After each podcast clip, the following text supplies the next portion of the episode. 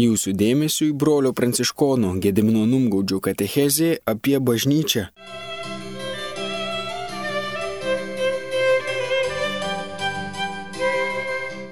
Pasirinkom šią temą, pakalbėti apie bažnyčią. Jūs matote čia garbinimui pastatytą švenčiausios mergelės Marijos ikoną, kuri kartu yra ir bažnyčios ikona. Galėtume skaityti šventame rašte daug tekstų, kur kalbama apie bažnyčią įvairiausiais simboliais. Ir kaip vienogynas, kaip Dievo tauta, kaip Dievo vaikų šeima ir kaip moteris apsisiautusi saulė su dvylika žvaigždžių vainiku, paminusi minulį, ten žaltys po jos kojomis ir panašiai, kaip Dievas buvo išpranašavęs angiai, kai jis suvedžiojo Jėvą, pažadins naują kartą ir sukels karą, kad moteris mindžios jos galvą, o jie tykos jos kulnies panašiai. Ir kaip slibinas tyko kūdikio, kurie jį pagimdo, kaip jį bėga į dykumą, ten viešpats duoda jai prieglopsti. Taigi daugelį visokiausių šventų raštų vietų mums kalba įvairiais aspektais, įvairiais požiūriais apie bažnyčią. Ir kadangi Marija šventame rašte yra labai taip susitapatinusi su bažnyčia, ji yra šventame rašte kaip bažnyčios ženklas, bažnyčios simbolis, bažnyčios pranašiškas ženklas. Ji kaip motina ir bažnyčia mums kaip motina bažnyčioje mes gimstame, atgimstame iš dvasios ne kažkur laukuose, ne kažkur kosmose, bet konkrečioje Dievo vaikų šeimoje, bažnyčioje, bendruomenėje.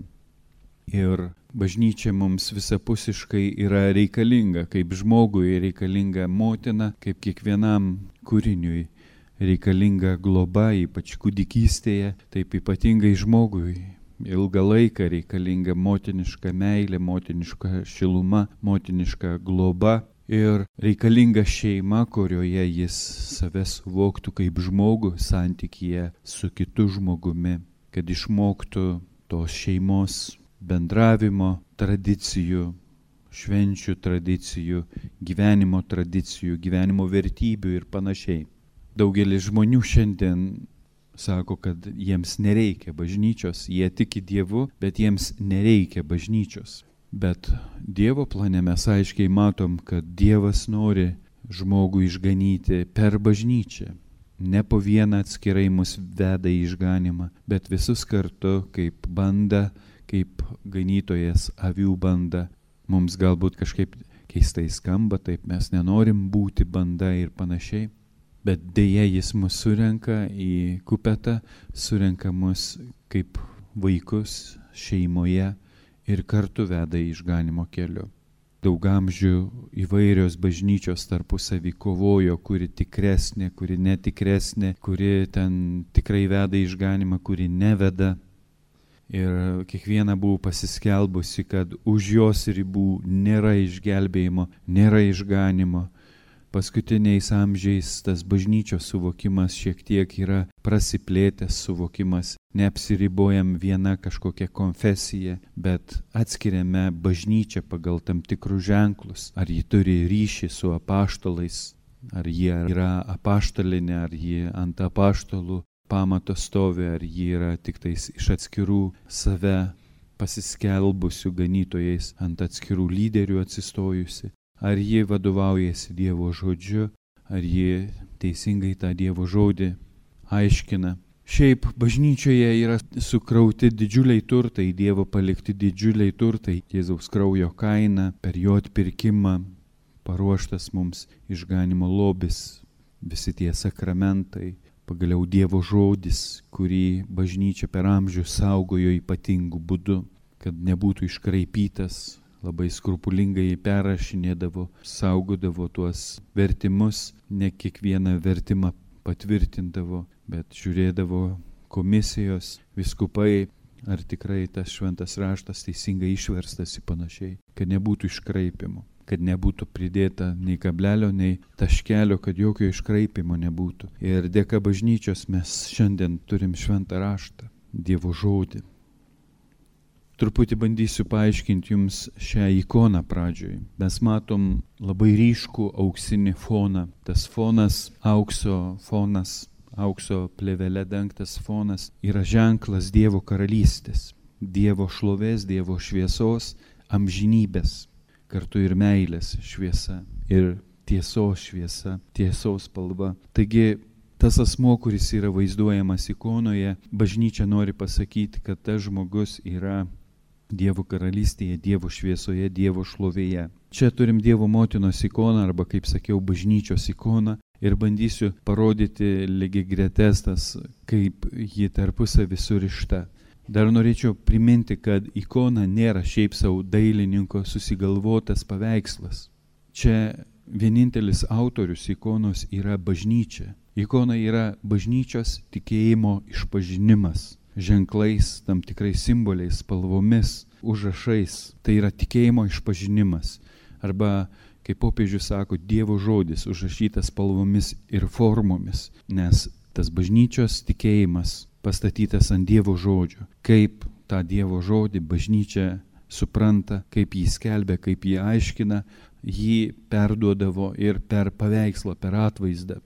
Ikona paprastai būdavo bažnyčioje ant sienos tapoma ant tinko kaip freska, sakysim, kažkas panašaus vėliau ant medinių lentų, bet irgi toks stabilus pagrindas. Ir čia daug visokių simbolių galima būtų pridėti tam, bet grįžkim konkrečiai, ką šiandien bažnyčia nori pasakyti per ikoną. Ja nupaišė brolis Karlo, bet jis vadovavosi bažnyčios tradicijai, bažnyčios patirtimi ir tiesiog pakartojo, ką bažnyčia išpažįsta, vadovaudamasis bažnyčios tradicija, tais kanonais. Taigi, ta moteris, kuri čia pavaizduota, ji yra apsisiautusi tokiu raudonu apsiaustu ir nežinau kaip jis graikiškai vadinasi, tikriausiai ir jums bus sunku atsiminti. Ir tai yra ženklas, gyvybės ženklas, raudona kraujo spalva, gyvybė. Kartu tai yra kankinių kraujo spalva, bažnyčia persiekėjama, jos rūbas permerkęs kraujyje. Taip pat tai yra dieviška spalva. Ir čia visa salė yra išpuošta ta raudona spalva, kraujo, gyvybės spalva, Dievo šlovės spalva.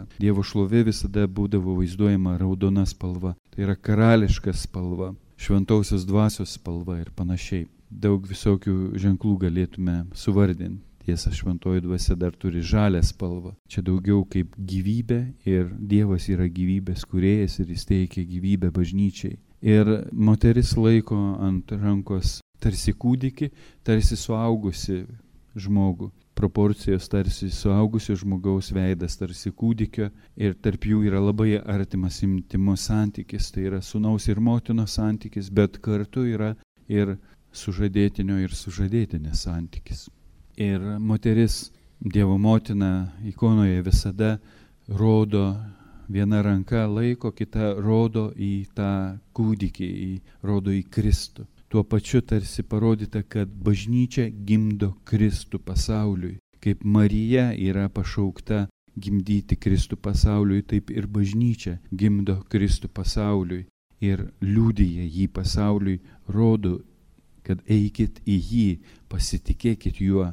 Kūdikio rūbas yra imperatoriškas rūbas, kaip tuo metu imperatoriai rengdavosi tuniką, klevus tas imperatoriškas juosta, kur būdavo ant tunikos, matosi ant rankovės. Ir tos žvaigždės Marijos kaktoje, pečiuose, tiksliau kryžiai, bet jie jau tapo kaip žvaigždės dekoratyviškai pavaizdavus. Tai yra tarsi tas angelo išpažinimas. Sveika Marija, malonės pilnoji, viešpat su tavimi. Ir va tie trys kryžiai tarsi ženklina, kad švenčiausioji trejybė gyvena tame asmenyje švenčiausioji trejybė gyvena bažnyčioje, gyvena Marijoje.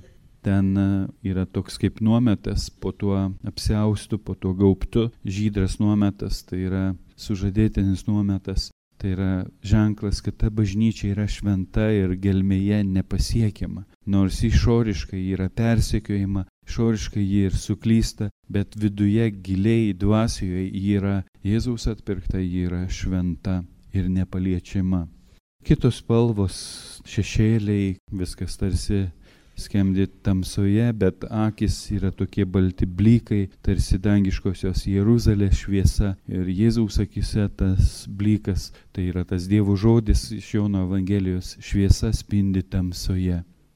Viskas ateina į mus iš kažkokios gelmės, kaip apreiškimas, kaip iš vandens išnyrantis kūnas, tas apšvietimas toks savotiškas ir atvirkštinė ikonos perspektyva, viskas veda mus į tą santykį, į tą ženklą ir kviečia mus mąstyti apie tas tiesas ir dėkoti Dievui už tas tiesas ir garbinti Dievą už tas tiesas, už tą gyvenimą, kurį Jis mums dovanoja. Ir kadangi pradėjau nuo Marijos kalbėdamas apie bažnyčią, noriu ir skaitinį jums perskaityti.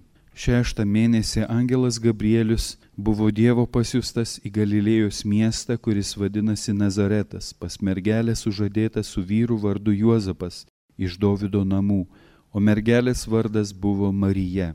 Atėjęs pas ją angelas tarė, sveika malonėmis apdovanotoji, viešpats su tavimi. Išgirdusi šiuos žodžius, jį sumišo ir galvojo savo, ką reiškia toks sveikinimas. O angelas jai tarė, nebijok Marija, tu radai malonę pas Dievą. Štai tu pradėsi iščiose ir pagimdysi sūnų, kurį pavadinsi Jėzumi. Jisai bus didis ir vadinsis aukščiausiojo sūnus. Viešpats Dievas duos jam jo tėvo Dovido sostą. Jis karaliaus Jokūbo namams per amžius ir jo karaliavimui nebus galo. Marija paklausė Angelą, kaip tai įvyks, jeigu aš nepažįstu vyro. Angelas jai atsakė, šventoji dvasia nužengs ant tavęs ir aukščiausiojo galybė pridengs tave savo šešėliu. Todėl ir tavo kūdikis bus šventas ir vadinamas Dievo sūnumi. Angelo pasveikinimas yra tas pagrindas. Sveika Marija, malonės pilnoji, viešpats su tavimi. Mes katalikai bažnyčios esame mokomi, kad visi žmonės yra nusidėję ir stokoja Dievo garbės, visi mes esame gimę taip vadinamoj gimtojoj nuodėmiai. Tai yra būsena be Dievo. Kaip Adomas su Jėva atsiskyrė nuo Dievo ir Dievas ieškojo žmogaus per visą jo istoriją, bandė jį prisijaukinti, kad susigražinti jį savo, o žmogus slapstėsi ir būdamas šetono valdžioje darė šetono darbus, buvo suteptas ir gėdėjosi Dievo, bandė atsiteisti Dievui, aukodamas Dievui aukas, kad nebūtų baudžiamas, iš baimės jam stengiasi visokiais darbais įtikti jam, bet vis tik visi tie darbai negalėjo panaikinti jo sąžinėje tos dėmesės, kurią gali panaikinti Jėzaus kraujas. Ir va pagaliau su Jėzaus ateimu, su Jėzaus mirtimi ant kryžiaus su Jėzaus krauju atperkančiu mūsų nuodėmes, mums nuplautos nuodėmes. Ir per krikštą mums dovanojama nauja gyvybė.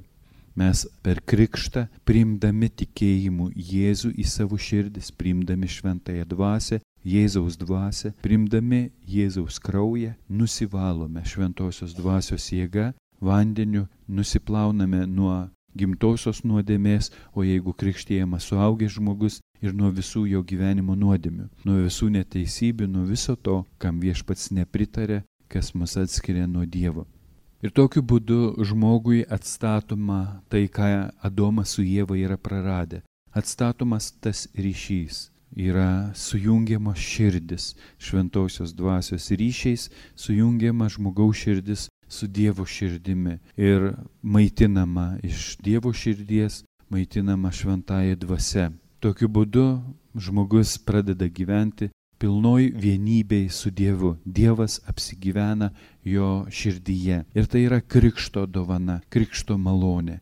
Per krikštą mes išvaduoti iš nuodėmių, išteisinti, priimame Dievą į savo širdį ir gyvename su Dievu.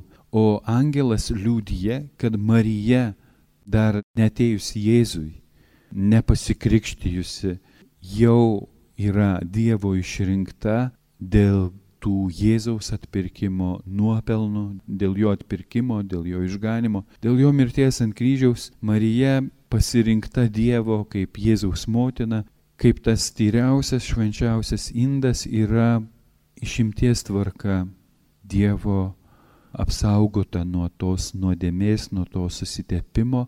Ir tai reiškia, kad Marija nuo pat pirmo savo prasidėjimo momento savo motinos iščiose, jos tėvai, Joakimas ir Ona, pradėjo ją Dievo malonėje. Dievas buvo su jais, Dievas buvo su Marija. Ir angelas tą liūdija. Tu malonės pilnoji viešpats su tavimi.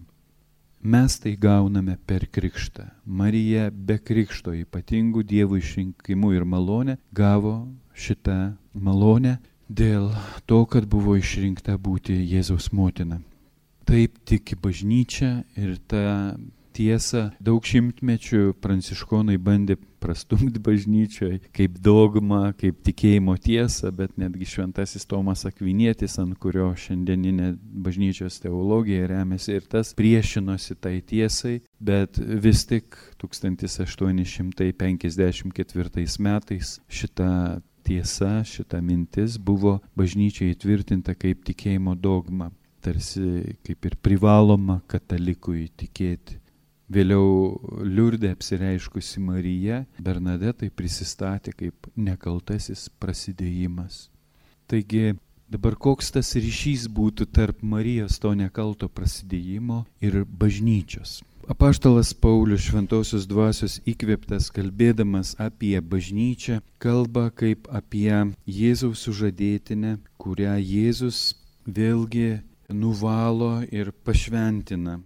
Jūs tikriausiai esat tą tekstą girdėję per santoko sakramentą kur nors, bet aš jį pakartosiu ir pabandykite įsiklausyti. Apaštalas Paulius mokydamas šeimos gyvenimo, mokydamas moteris klausyti vyro, o vyrus mylėti moteris šeimoje, duoda mums pavyzdį bažnyčios ir Jėzaus santyki, kaip kiekvienos krikščioniškos šeimos modelį. Jis moko, jūs moteris būkite klusnios savo vyrams lyg kad viešpačiui, nes vyras yra žmonos galva, kaip ir Kristus yra bažnyčios savo kūno galva ir gelbėtojas. Kaip bažnyčia klauso Kristaus, taip ir moteris visame kame te klauso vyrų. Jūs vyrai mylėkite žmonas, kaip ir Kristus mylėjo bažnyčią ir atidavė už ją save, kad ją pašventintų, nuplaudamas valančių vandenių per žodį, kad padarytų savo garbingą bažnyčią, neturinčią jokios dėmesio nei raukšlės, nei nieko tokio, bet šventą ir nesuteptą. Taip ir vyrai privalo mylėti savo žmonas, tartum savuosius kūnus, Kas myli žmoną, myli save patį. Juk niekas niekada nėra nekentęs savo kūno, bet jį maitina ir globoja, kaip ir Kristus bažnyčia. Kadangi esame jo kūno nariai, todėl žmogus paliks tėvą bei motiną ir glausis prie savo žmonos, ir du taps vienu kūnu. Tai didis slėpinys. Aš tai sakau apie Kristų ir bažnyčią. Taigi kiekvienas jūsų te myli savo žmoną kaip save patį, o žmona te gerbė vyrą. Taigi, kalbėdamas apie vyro ir moters santykius šeimoje, apaštalas Paulius pristato Kristaus ir bažnyčios santyki. Kalba, kad Kristus bažnyčią apvalė, pašventino, padarė ją tyrą, nesuteptą savo sužadėtinę. Ir tas Marijos nekaltas prasidėjimas kaip iš ankstinis Dievo išrinkimas ir jos apsaugojimas nuo to susitepimo, nuo tos priklausomybės, tai gimtai nuodėmiai, tarsi iš anksto paruoždamas savo sūnui tas šventas, tyras iščias, kartu ir mus kviečia kaip bažnyčia siekti to šventumo. Paštalas sako, kad bažnyčia yra šventa. Tai yra išreikšta ir ikonoje, bet mes, būdami tos bažnyčios nariai, vis padarome įvairiausių klaidų. Ir Dievas bažnyčioje yra palikęs atgailos arba tiksliau susitaikinimo sakramentą, kurio metu tikėjimu priimdami Jėzaus kraują, išpažindami savo nuodėmes, per išpažinti, mes gauname išteisinimą ir esam nuolat apvalomi. O tas malonės stovis, tas tyrumas, ta vienybė su Dievu reikalinga kiekvienam iš mūsų asmeniškai, taip kaip ir visai bažnyčiai. Jeigu aš esu bažnyčios narys, aš turiu gyventi tą bažnyčios nuotaiką, kaip bažnyčia, Kai bažnyčia, kaip aš noriu, kad būtų bažnyčia, tai yra šventa, kad joje Dievas gyventų ir veiktų joje, ne? turiu pradėti nuo savęs. Štai Liuteris, matydamas bažnyčios iškrypimą, bažnyčios klaidas, atskirų dvasiškių klaidas, ypatingai kai pradėta buvo spekuliuoti Dievo gailestingumu, atlaidais, ir iš to bandė pasipelnyti dvasininkyje, siekdama realizuoti kai kuriuos savo projektus. Liuteris sukilo prieš tuos dalykus, jo sukilimas buvo visiškai šiandien pripažįstamas kaip teisingas, bet jo pasirinkta taktika kovos su ta bažnyčios įda yra skirtinga negu pavyzdžiui Šventojo Pranciškaus. Liuteris sakė, jūs negerai darote, turite daryti taip ir taip. Ir tada žmogiškai sukyla pasipriešinimas, kas čia mus moko, pats įsigydyk ir panašiai. O Pranciškus, ypatingai kai susidurdavo su kažkokiu bažnyčios, sakysim, nesusipratimu, ten pačioj pradžioj, kol jie neturėjo pripažinimo, pirmieji broliai tėvai ten skundėsi, kad e, jų vaikai turtingi palieka turtus, palieka darbus, karjeras ir išeina su tuo valkata gyventi. Ten buvo ir visokių susirėmimų ir bažnyčia padegė, bandydami išsklaidyti juos ir visai persekiojo, buvo ir užmuštų brolių. Ir Pranciškus nekaltino jų, bet klausė maldoj viešpatie, ką aš negerai darau. Pranciškus siekė pats išsivaduoti iš klaidų pats gyventi šventai, teisingai ir nuo jo sklido atsinaujinimas visai bažnyčiai. Ir aš tikiu, kad kiek aš atsinaujinu, kiek aš gyvenu teisingai, tiek ir bažnyčia atsinaujina, tiek ir bažnyčioje yra daugiau šviesos ir tiesos. Bažnyčios atsinaujinimas priklauso nuo kiekvieno iš mūsų asmeniškai, kiek aš asmeniškai gyvenu Evangeliją, tiek bažnyčia gyvena Evangeliją, nes bažnyčia tai esame kiekvienas iš mūsų. Mes esame Kristaus tas mistinis kūnas, sujungti dvasios ryšiais, kaip tas pats apaštalas Paulius laiškė fiziečiams mus moko. Taigi aš kalinys viešpatyje raginu jūs elgtis kaip dera jūsų pašaukimui, į kurį esate pašaukti su visu nuolankumu bei meilumu, su didžia kantrybė palaikykite tarpusavio meilę, uoliai sergėkite dvasios vienybę taikos ryšiu. Vienas kūnas ir viena dvasia, kaip ir esate pašaukti į vieną savo pašaukimo viltį. Vienas viešpats, vienas tikėjimas, vienas krikštas, vienas Dievas ir Tėvas visiems, virš visų, per visus ir visuose o kiekvienam mūsų duota malonė pagal Kristaus dovanos mastą. Todėl pasakyta, kildamas aukštin nusivedė sugautus belaisvius ir davė žmonėms dovanų.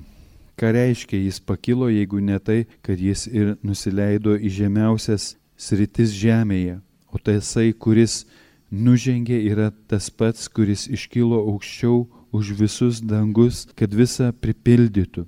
Tai jis paskyrė vienus apaštalais, kitus pranašais, evangelistais, ganytojais ir mokytojais, įdant aprūpintų šventuosius tarnystės darbui, Kristaus kūno ugdymui, kol visi pasieksime tikėjimo vienybę ir Dievo sūnaus pažinimą, tapsime tikrais vyrais pagal Kristaus pilnatvės amžiaus saiką, kad nebebūtume maži vaikai, sibuojami ir nešiojami bet kokio mokymo vėjelio, žmonių apgaulės, jų gudrumo, vedančio į klyskelius, kalbėdami tiesą su meile, aukime visais atžvilgiais tame, kuris yra galva, Kristuje. Iš jo visas kūnas suderintas ir stipriai sujungtas įvairiais ryšiais, savaip veikiant kiekvienai daliai, auga ir save patį stato meilėje. Štai kaip jis kalba apie bažnyčią, kaip apie kūną, apie tą vienybę su Kristumi, Kristus tarsi bažnyčios galva, to kūno galva ir kaip mes visi tarpusavį esam surišti dvasios ryšiais, viena dvasia pagirdyti kaip yra skirtingos tarnystės, skirtingos dovanos ir kiekvienai veikiant kūnas auga, tobulėja, to kūno ugdymui Dievas apdovanoja mus dovanomis. Taigi, bet kad tas vyktų, kiekvienas iš mūsų turime siekti asmeninio šventumo. Ir Marijos nekaltasis prasidėjimas yra mums tas ženklas, mūsų pašaukimo ženklas, į ką mes esame pašaukti kad būtume šventi. Mes per krikštą. Marija ypatingų dievų pasirinkimu iš anksto buvo nuo pat pradžios šventa, nuo pat prasidėjimo, nuo pirmųjų kelių lastelių susijungimo. Marijos embrionas šiandien taip mediciniškai tariant jau yra šventas. Ji šventa nuo pat pradžios. Dievo išrinkimu ir į ją mes turime žiūrėti ir lygintis ir siekti to, kuo ji yra, kad būtume šventi. Marijos atsakymas angelui, kai jis paskelbė Marijai Dievo valią, Dievo žodį. Marija sako, aš nesuprantu, kaip tai gali įvykti, bet vis tik jis sako, tiesie man, kaip pasakėjai. Tai vyksta, Dieve tavo valia, štai aš, tavo tarnaitė. Jie gyvena tikėjimu, tikėjimo žmogus tikėjimo pavyzdys, tikėjimo sesuo, kaip brolis Paulius melzdamasis priminė mums, kad mes visi per Joną, apaštalą Joną, tarsi esame Jėzaus įsūnyti jo mirties valandą, įsūnyti kaip Marijos vaikai, kaip bažnyčios vaikai. Bažnyčia mes Jono asmenyje pavesti Marijos motiniškai globai. Ir tai yra mūsų džiaugsmas ir mūsų šventė. Dievas ypatingai apsaugodamas Mariją, išsaugo jos grožį arba ją nuostabiai gražią sukuria. Kiekvieno žmogaus siela yra nuostabiai graži, kaip ir Marijos siela. Tik tas grožis dažnai būna paslėptas po įvairiausiomis nuodėmėmis, žmogiškomis silpnybėmis, o Marijos grožis tarsi pilnai atsiskleidžia tame tikėjimo kelyje, tame Evangelijos gyvenime, atsiskleidžia Evangelijos tais liūdėjimo momentais, kurių labai nedaug, bet vis tik jų yra.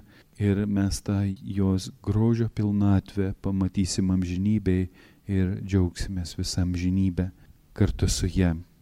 Dėl to norėčiau pasakyti, kad daugelis žmonių yra dideliai bėdoj dėl kunigų silpnybių, dėl kunigų klaidų, o kartais ir visai ne dėl kunigų kalties. Lygiai taip pat galima kaltinti ir bažnyčioje esančius tikinčiuosius, kiek mes esam patyrę visokių traumų vieni iš kitų ir kaip žmonės įsiskaudinę užsidaro ir sako, aš daugiau neįsiu į tą bažnyčią, nenoriu nieko bendro turėti su ta bažnyčia. Bet tai yra tik atskiri žmonės. Ir vad šetonui pasiseka per šitas silpnybės dažnai per kunigo nuovargį sukiršinti žmonės su bažnyčia. Kadangi ypač Lietuvoje kunigas sutapatinamas su bažnyčia, kaip bažnyčios ganytojas ir kiek dažnai kunigams reikia, ypač didimiščiuose, kiek žmonių praeina per tą raštinę, per tą kleboniją su įvairiausiom pretenzijom, aiškindami, kaip jie turėtų atlikti savo pareigas, kaip jie turėtų teikti sakramentus visiškai nepažindami bažnyčios mokymo, nesidomėdami tais mokymais, vadovaudamiesi savo senais kažkokiais principais, senai atgyvenusių požiūrių į panašiai.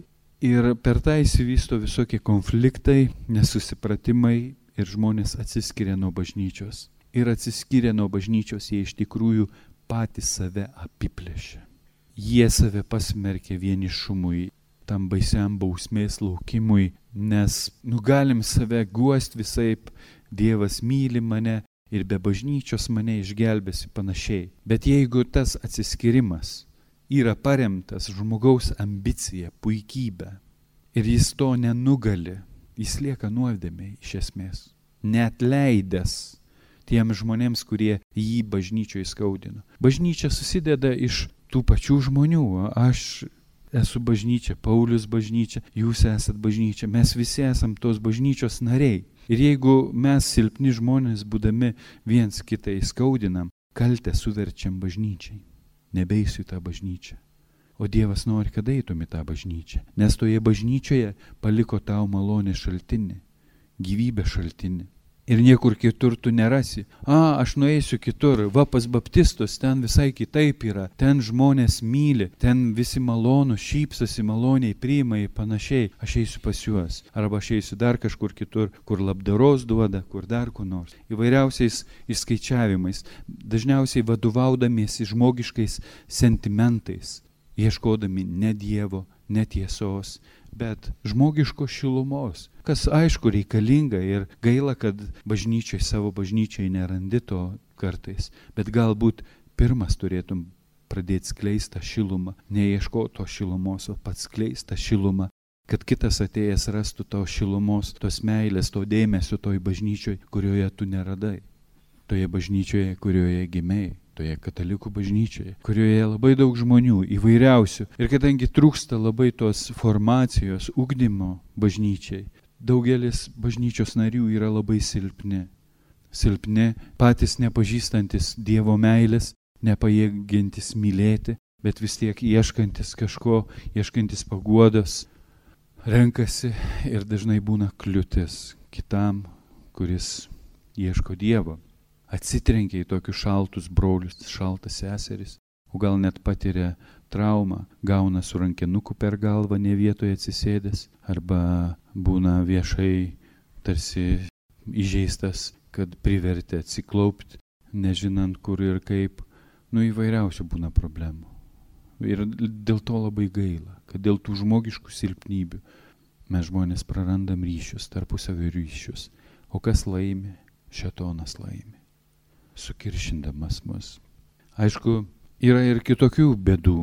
Mes susižavime įvairiausiais mokymais, efektingais mokymais, ypač New Age mokymais. Ir mus nuvilioja visokios sektos, nuvilioja visokie ekstrasensai. Ir mes dedame viltis ne į Dievą, bet į burtininkus, į ekstrasensus. Vadovaujame savo gyvenimu ne Dievo žodžiu, bet visokiomis melagingomis pranašystėmis, kurios pildosi taip, nes mes patikim. Ir per tikėjimą į mus įeina tos pranašystės, kurios iš esmės yra melas. Jos nėra Dievo žodis, jos nėra Dievo valia, bet yra šetono melas, ištartas per įvairiausius žmonės. Ir tas melas suveikia, kai tu jį tikėjimu priimi save, jis pradeda veikti tavį. Tada mes sakom, išsipildė pranašystės, taip, nes tu jomis patikėjai. Bet mes Dievo vaikai esam pašaukti gyventi Dievo žodžiu. Ne ekstrasensų, neregėtųjų, ne kokių burtininkų pranašystėmis, bet Dievo žodžiu. Nepažindami žmonės Dievo labai lengvai, patikliai atsiveria įvairiems burtininkams, įvairiausiams pranašystėms. Nežinodami bažnyčios mokymo, nepažįsta iš tikrųjų bažnyčios. Sprendžia apie bažnyčią pagal vietinės bažnyčios grupelę. Bet tai dar nėra visa bažnyčia. Bažnyčia yra kažkas daugiau. Ji yra dvasinė, ji yra Kristaus sužadėtinė, ji visam pasauliu plačiai pasklidusi. Ir kaip sakiau, šiandien jau katalikų bažnyčia nebedrįsta apriboti išganimą vien tik bažnyčioj, pripažįsta, kad Dievas veikia ir kitose krikščioniškose grupėse, bet vis tik mes prisimename Jėzaus pasakymą apaštalams, kad aš turiu dar ir kitų avių ir jas turiu atvesti į tą vidą, kad būtų viena kaimenė, vienas ganytojas. Jėzus troško vienybės, krikščionių vienybės, bažnyčios vienybės, kas mus labiausiai skaldo tai netikėjimo tiesos, netikėjimo dalykai. Mūsų labiausiai skaldo, bažnyčias labiausiai skaldo, kas valdys. Klausimas, kas valdys, kas pinigus surinks ir panašiai. Kas įtaką turės. Valdymo klausimas labiausiai mus skaldo. O mūsų viešpas ir valdovas yra vienintelis Kristus. Ir koksgi gali būti klausimas? Kristus mus valdys. Taigi daug galėčiau kalbėti apie bažnyčią, bet labiausiai noriu pakviesti jūs visus, pradėti melstis už bažnyčios prabudimą, kad ji atsiskleistų savo grožiu, kad ji pradėtų gyventi čia vietoj, kad ji pradėtų gyventi Kristaus pažadų pilnatvę, kad vis daugiau tikinčiųjų atsivertų šventosios dvasios dovanoms ir ateitų į bažnyčią kaip į vienogyną, ne kaip samdiniai, bet kaip sūnus, kaip dukteris, mylintis tą vynogyną ir trokštantis puoselėti tą vynogyną, kad vynogynas, bažnyčia, parapija klestėtų. Ir dėl to reikalingos mums Dievo dovanos, Dievo pagalba, Dievo jėga, šventosios dvasios dovanos, kad tas vynogynas suklestėtų, kad mes galėtume pasitarnauti tam vynogino jo ugdymui, mums reikalinga Dievo jėga. Savo jėgom mes čia nieko padaryti negalim. Todėl Dievas duoda mums tų dovanų, yra pažadėjęs tas dovanas, bet mes tų dovanų neieškosim ir jų nenaudosim, kol mes nepamilsim bažnyčios.